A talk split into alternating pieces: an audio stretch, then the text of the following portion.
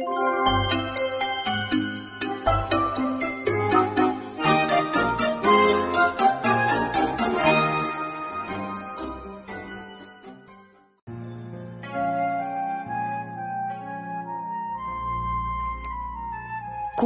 la tardor i la senyora Margarida va asseure's a rememorar tot el que havia viscut aquell estiu.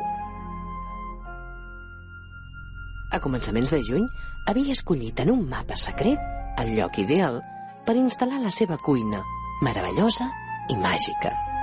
Les coordenades eren 48 graus 51 minuts nord i 2 graus 17 minuts est. I és aquí on la senyora Margarida, durant el darrer estiu, va desenvolupar la recepta de les seves galetes màgiques.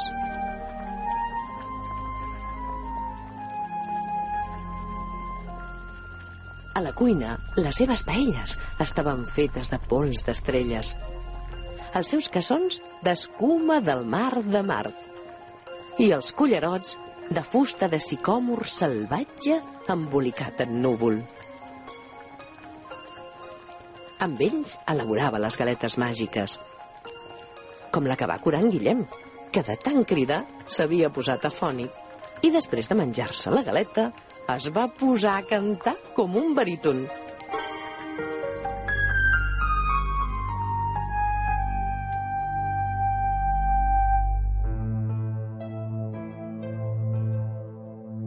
El dipòsit d'aigua que havia omplert des de la nit dels temps l'havia heretat del mag Merlín. Era un vell abeurador on havien begut el rei Artur i tots els cavallers de la taula rodona i li donava el sabor especial a les seves galetes. Aquestes, que tant li havien agradat a la Vicky, que tenia mal a la panxa perquè havia menjat un xiclet agafat del terra. I amb la galeta màgica es va sentir lleugera i se'n va anar a prendre un gelat.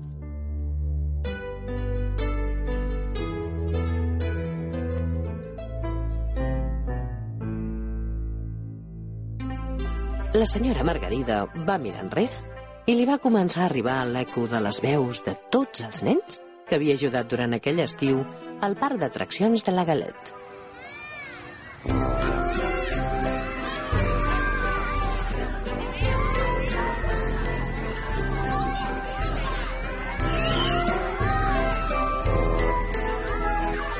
De sobte va somriure, perquè es van recordar d'en Didac, que va caure d'un arbre i es va fer un esquins.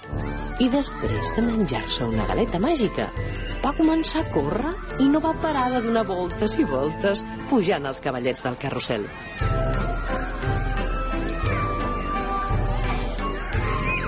Visca la vella xaruga! Li va semblar sentir a la senyora Margarida i se'n van recordar de quants personatges havia conegut a les casetes de la fira. En especial de la dona de la rifa, que sempre cridava «Visca la vella xaruga!» i a la qual li va regalar una galeta una nit de lluna plena i li van desaparèixer totes les barruques.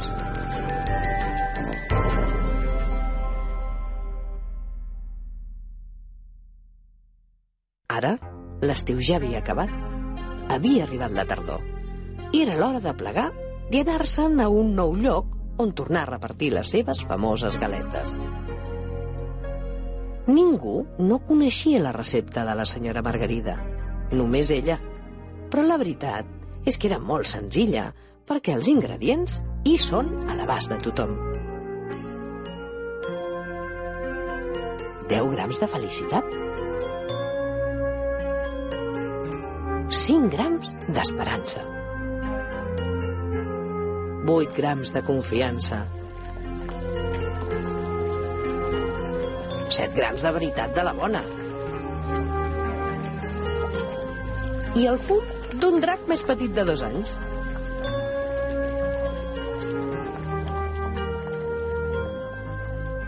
Caldrà esperar el pròxim estiu a veure si torna a aparèixer la senyora Margarida amb les seves galetes màgiques.